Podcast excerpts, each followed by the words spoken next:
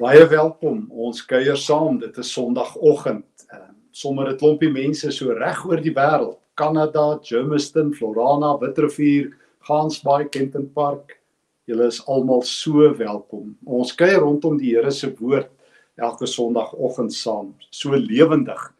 En vandag is ons tema uh God se wil is en ons gaan volgende week ook nog verder hiermee reis. Ek hoor graag die uitdrukkings en gereeld die uitdrukkings God het 'n plan vir jou lewe. Nou dit is iets wat jy sê vir iemand as hulle kind gebore word, dan sê jy vir die ouers God het 'n plan vir julle kind se lewe. Of as iemand pas tot bekering gekom het, dan sê jy God het 'n plan vir jou lewe. Maar jy sê dit nie vir iemand wat 10 jaar en 20 jaar reeds 'n gelowige is nie. En soos wat ek altyd sê, as as jou kerk of jou geloofsgemeenskap dit vir jou sê, dan moet jy jou bydraes terugvra. Dink net hoe sal jou vrou voel as jy nou getroud is en jy sê elke dag vir haar, jy weet God het 'n plan vir ons huwelik. Jy sê dit elke dag. Of jy sê vir jou kinders, pa het 'n plan vir julle lewe of ma het 'n plan vir julle lewe. As jy dit vir 20 jaar sê, gaan jou kinders sê, "Pa, wat is daardie plan?" Goeie vraag. Wanneer jy hoor God het 'n plan vir jou lewe, dan is die beste vraag wat jy kan vra, nou wat is dit? En natuurlik het die Bybel 'n antwoord hierop. God se wil is bekend. Ek het so 'n bietjie groot geword met uitdrukkings oor God se wil soos God het 'n toelatende wil en hy het 'n goedkeurende wil. Gedoorie waar ek weet nie wat dit beteken nie tot vandag toe nie. En ek het ook geleer baie mense dink um, insidenteel en momenteel oor God se wil. Laat ek verduidelik hierdie groot woorde. Wanneer daar sekere insidente gebeur, dan het almal gevra en dan vra almal nog steeds, nou wat is God se wil?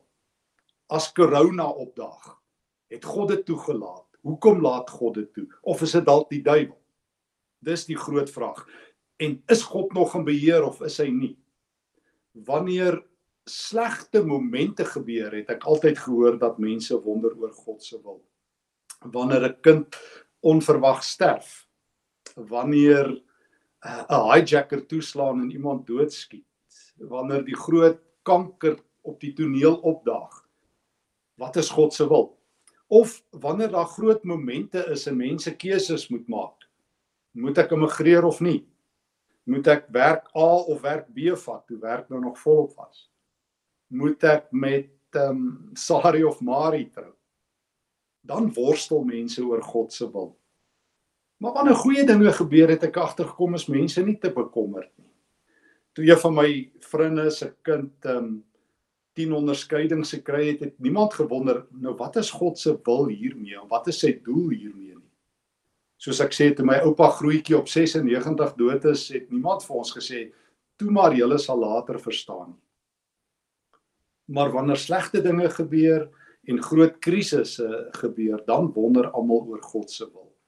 En dan vra almal wat sê die Bybel en dan s'hulle half 'n bietjie verleë want die Bybel dink nie so oor God se wil nie. Ek is nie geleer om reg oor God se wil te dink nie. Laat ek namens myself praat. En toe ek 'n jong ouetjie was en geworstel het oor God se wil, het ek een wonderlike leiding gekry van die Here. Lees God se woord. Vergeet van alles. Verdiep jou in die Here se woord. Leer om uit die Bybel te dink. Nie om met jou vrae na die Bybel toe te gaan nie, maar om vanuit die Bybel na jou vrae toe te gaan. O, dis 'n lewensgrootte verskil. Die helfte is my nie vertelle, soos die Nederlanders sou gesê het. En toe het ek geleer as ek vanuit die Bybel oor God se wil dink, kry ek 'n ander prentjie. En mag ek jou uitnooi vandag en as die Here wil volgende keer om Bybels na te dink oor God se wil, dan kry ek en jy 'n vars nuwe kyk op die wil van die Here. Hier is die eerste en belangrikste les wat ek ooit in my hele lewe oor God se wil geleer het, waarby ons vandag stil staan en ek nooi jou na Johannes 6 vers 38. Eh, die belangrikste teks oor God se wil wat net nooit gelees word wanneer mense oor God se wil nadink nie. Kom ons gaan kyk. Jesus is aan die woord. Is daar in Kapernaum in die sinagoge en uh, hy is in 'n gesprek met die Jode wat kwaad is omdat hy nie nog brood wil maak nie. Hy het die vorige dag brood gegee vir derduisende en nou weier hy om dit weer te doen. En nou hoor ek hoe Jesus sê: Ek het nie van die hemel af gekom om my eie wil te doen nie, maar die wil van hom wat my gestuur het. En dit is die wil van hom wat my gestuur het, dat ek van almal wat hy my gegee het, nie een verlore sal laat gaan nie, maar hulle almal op die laaste dag uit die dood sal laat opstaan. Dit is die wil van my Vader, dat elkeen wat die Seun sien en in hom glo, die ewige lewe sal hê, en ek sal hom op die laaste dag uit die dood laat opstaan. God se wil is nie 'n insident nie, is nie 'n moment nie. God se wil is 'n persoon. Niemand het dit vir my gesê nie. Niemand het my dit geleer nie. Ek het gehoor ehm um, God het toelatende wil en 'n goedkeurende wil en mense wonder kom corona van die Here af en toe hierdie teks oopgaan. Want al wat ek gaan doen het toe ek oor God se wil begin worstel het, ek het die Nuwe Testament met name gaan deurlees. Ek het elke teks waar daar 'n verwysing is na die wil van God in Grieks die thelema to theou of die boule, die plan van God gaan lees. Toe kom ek agter God se wil is relasie, verhouding. Hoor weer, hoor weer. Jy dit is lewensbelangrik. God se wil is 'n relasie met Jesus Christus. God se wil is nie as ek Perth of Pofadder moet kies, waar gaan ek bly nie. As ek tussen twee beroepe moet kies nie. O, dan kan ek dit ook vra, ook in coronatyd. Mag ek dit ook vra? Maar dit is lewensbelangrik dat ek vanuit God se perspektief oor God se wil dink. God het net een wil, altyd enkelvoudig. God het nie 'n plan vir jou lewe nie. God het 'n plan en jy met jou lewe val daarbey in. Kan ek weer sê? God het nie 'n plan vir jou lewe nie. God het 'n plan en jy met jou lewe val by sy plan in. En wat is sy plan? Jesus. Maar ek hoor nooit dat mense sê Jesus wanneer hulle oor God se wil worstel nie. Ehm um, wanneer iemand vir my sê wat se beroep moet hulle volg, wat is God se wil, dan sê ek wat van Jesus.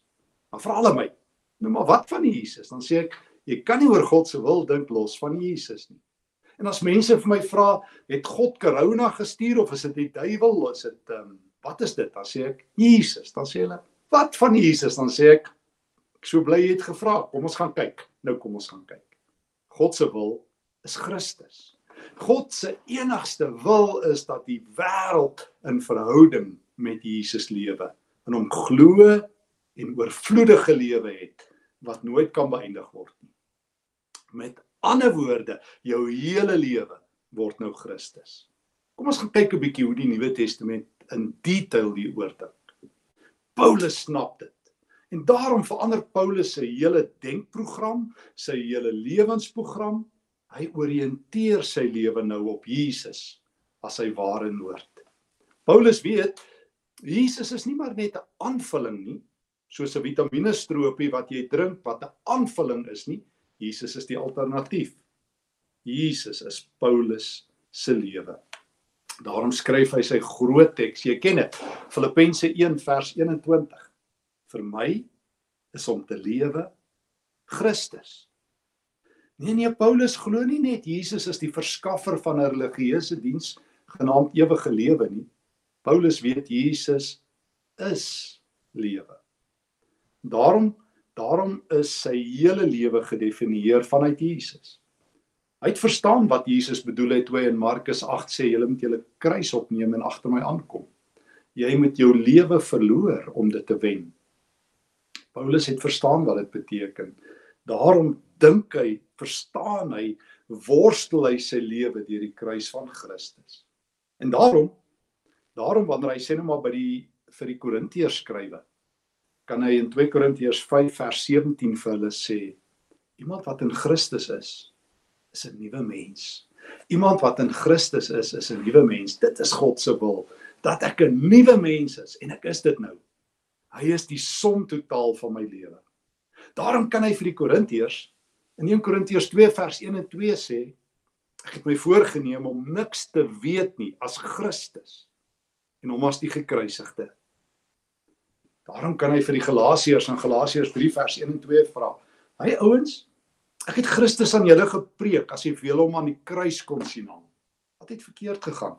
Hy is julle identiteit. Jy saam met hom gekruisig. Romeine 6, Kolossense 2.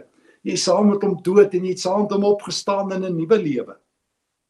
Christus is my identiteit. Christus is my lewe. Nee nee, dis nie dis nie 'n liggewig dingetjie nie. En Christus is God se wil.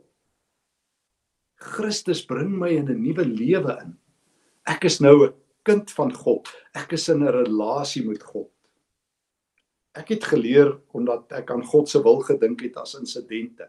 Wanneer 'n slegte ding gebeur, hoekom het God dit toegelaat? Is my streepie getrek? Wat van my sterfdatum? En hoe meer ek sulke vrae mee te doene gehad het, minder antwoorde het ek gehad.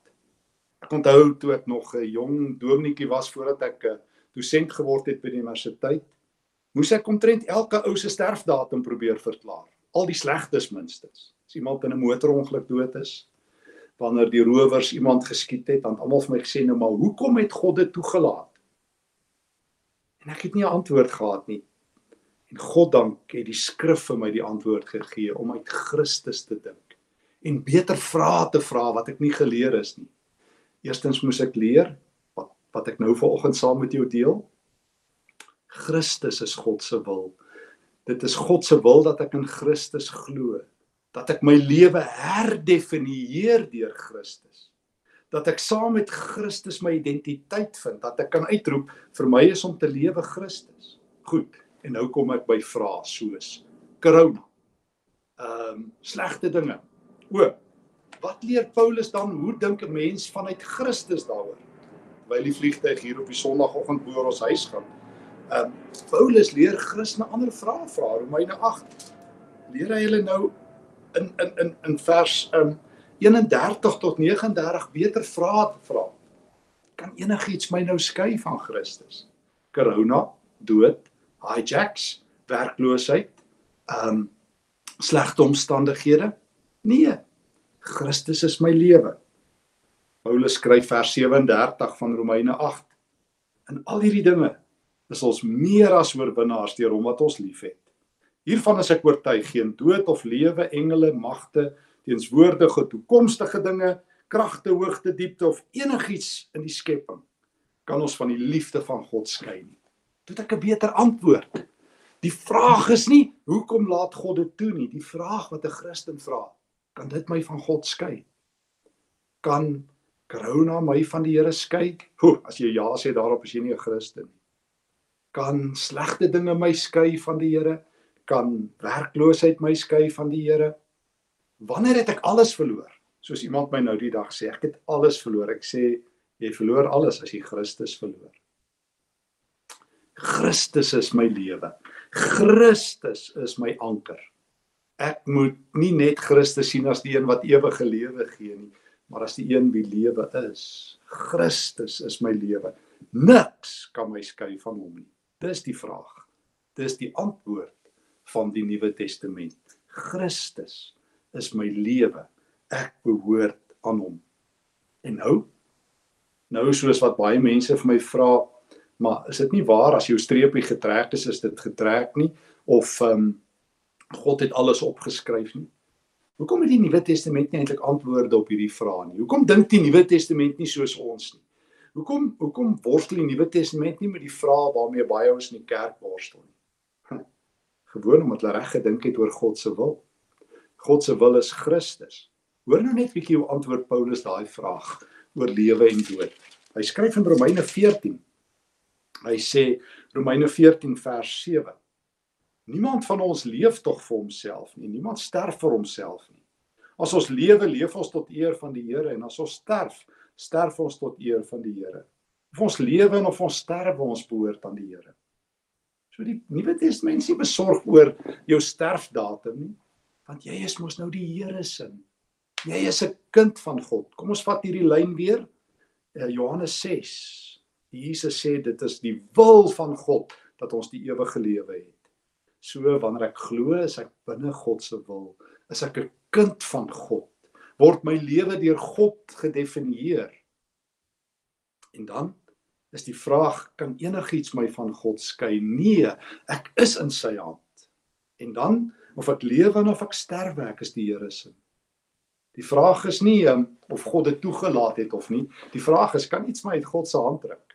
En as ek by die dood opdaag of dit nou die hijackers is wat my kom haal, hoe sê 'n vriend vir my aldag, ou George Nell het aldag gesê, hy laat hom nie met uh, met die ewige lewe dreig deur 'n hijacker. maar die feit is ek is Christus en nie niks in hierdie lewe kan my van hom skei nie. Daarom is is ek nie so behep met die sterfdatum ding nie. Want ek verstaan nou of ek op 10 jaar sterf en op 96 ek is die Here se. Niks kan my uit sy hand uitdruk nie. En dit beteken prakties dat ek nou 'n lewe het om te leef binne God se wil. Ek is dus nie die heeltyd insidenteel binne God se wil en buite God se wil nie.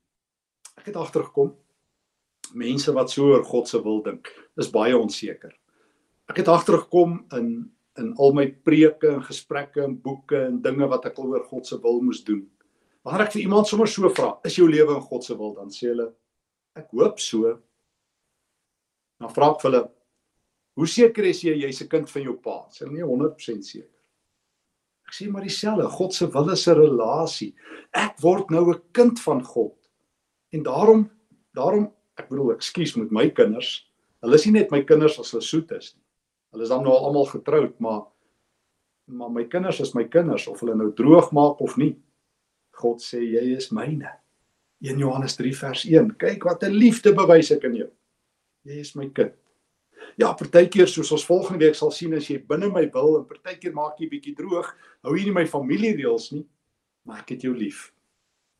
God se wil is nie ek is so goed soos my jongste goeie werk en so sleg soos my nuutste sonde. Ek is so naby aan God soos my jongste goeie ding wat ek vir hom gedoen het en so ver van hom soos my onlangste droog maak nie. Jo, dan moet ons maar ekskuus eintlik ophou glo want as ons geloof so mog getrof is, so treffend trap, so in en uit. He loves me, he loves me not. He loves me, he loves me not. Hoor hierso? Jesus is God se wil. As jy in hom glo, is jou lewe in God se wil. Ja, partykeer maak ons droog en ons kom daarby. Maar weet net eers dit, dink net eers Nuwe Testamenties oor God se wil. Dis 'n persoon. Dis 'n relasie. Wat kan dit ophef? Niks. Nie die dood nie, nie die lewe nie of ek lewe of ek sterwe. Ek is die Here se. Christus is my lewe. Dink deur Christus. Dink deur die kruis. Voordat jy vra corona, vra Jesus. Voordat jy vra goed of sleg, vra Jesus. Voordat jy worstel, kyk deur die kruis. Vir my is om te lewe Christus. Hy is my lewe. Christus hou my vas. Niks kan my van hom skei nie. Ek is 'n kind van God. Ek kyk my lewe deur die kruis wat sy skare weer oor my gooi. Die kruis is agter my wat my lewe verlig. Voor my onthou jy 'n kroon. 2 Timoteus 4 vers 7 en 8. Bokant my 'n troon, die troon van genade waar Christus is. Romeine 8:33. Onderkant my 'n rots, Christus op wie ek staan. Binne my 'n tempel, kruis, kroon, troon, rots, tempel. O, ek is die Here se. Ek is in God se wil, ek is sy kind. Selfs as ek sondig, sal sy gees my kom haal, soos ons nog sal sien. Maar hoe lewe ek nou?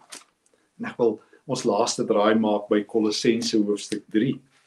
Want ehm um, Paulus leer my om deur Christus te dink. Hy leer my om my keuses deur Christus te maak. En en in ons eerste reis vandag rondom God se wil, leer hy my dit gaan oor Christus. En daarom skryf Paulus in Kolossense 3 vers 17. En wat julle ook al sê of doen, sê en doen dit alles in die naam van die Here Jesus. En dank God die Vader deur hom. Dit is hoe God se wil klink. Wat jy ook al doen, doen dit in die naam van die Here Jesus. As jy eet, eet ter wille van Jesus. As jy bid, bid vir hom. As jy werk, werk vir hom. As jy ontspan, ontspan vir hom. As jy leef, leef vir hom. Leef jou lewe as dankbaarheid deur Christus. Paulus herhaal dit, Kolossense 3 vers 23. Wat julle ook al doen, doen dit van harte, soos vir die Here en nie vir mense nie. En dan sê hy dieselfde in 1 Korintiërs 10 vers 31. Hy herhaal eintlik hierdie selfde woorde vroeër in sy brief aan die Korintiërs waar Paulus dieselfde skryf. Nadat Christene gewonder het, mag hulle vleis eet wat aan afgode geoffer is of nie, dan sê Paulus wat julle ook al doen, doen dit van harte, wat ek net vir daai teks mooi uitkom. 1 Korintiërs 10:31. Of julle eet en of julle drink en wat julle ook al doen, doen dit tot eer van God. Dis God se wil. Dis mos nie ingewikkeld nie. Dit gaan mos nou nie oor 'n toelatende wil nie, dit gaan oor 'n Vader wat jou en my ingetrek het in 'n verhouding met sy seun. Wat vir ons sê, jy is my kind. Jy sal altyd 'n kind in my huis wees en ek sal sorg dat niks jou uit my hand uit kan ruk nie nie die dood nie, nie die lewe nie, nie corona nie, nie werkloosheid nie, nie swaar kry nie, nie voorspoed nie. O ja, want voorspoed kan jou ook van die Here af wegvat. Niks in hierdie lewe kan jou van my skei nie. God sê so, ek glo God. En daarom daarom is Christus my lewe. Nee nee, hy is nie net my aanvulling wat ek nodig het. Hy is nie net die een nou in wiese rigting ek so knie buiging op Sondag maak nie. Hy is my lewe. Ek dink my lewe deur die kruis. Ek verstaan my lewe deur die kruis. Ek reis aan die hand van die kruis. Of ek opstaan en of ek sit en of ek gaan slaap en of ek lewe, dit is Christus. Nou weet ek, niks kan my van God skei nie. Dit is God se wil. Nou doen ek my lewe binne God se wil. Hoe? O, wanneer ek oor enigiets wonder, sê ek, Here, as ek nou iets doen, doen ek dit vir U tot eer van U en tot opbou van iemand anders. En as ek nie seker is dit is tot u eer en tot opbou nie, dan doen ek dit nie. Dis my riglyn. Dis my rigsnoer. Daarom is die vraag nie corona nie. Die vraag is Christus. Hoe leef ek in 'n tyd van corona? Soos ek leef in 'n tyd sonder corona. Hoe leef as ek ek as ek swaar kry, soos ek leef as ek goed is? Of ek lewe en of ek sterwe? My lewe is Christus. My lewe word nie bepaal deur my omstandighede nie. My lewe word nie bepaal deur wat ander mense sê nie. Vir my is om te lewe Christus. Hoe het ons dit gemis? Hoe het ons God se wil losgemaak van Jesus? Ek weet nie. Ek weier om dit te doen. Ek kies vir die Nuwe Testament. God se wil het 'n naam, het 'n verhouding. Dis nie 'n insident nie. Dis 'n manier van lewe. Nou toe, kom ons leef so. Kom ons bid saam en dan wil ek nog so 'n oombliekie iets met jou deel. Here Jesus, dankie dat U God se wil is. Dankie dat U my lewe is. Dankie dat ek vir U kan lewe. Ek wy my lewe opnuut aan U.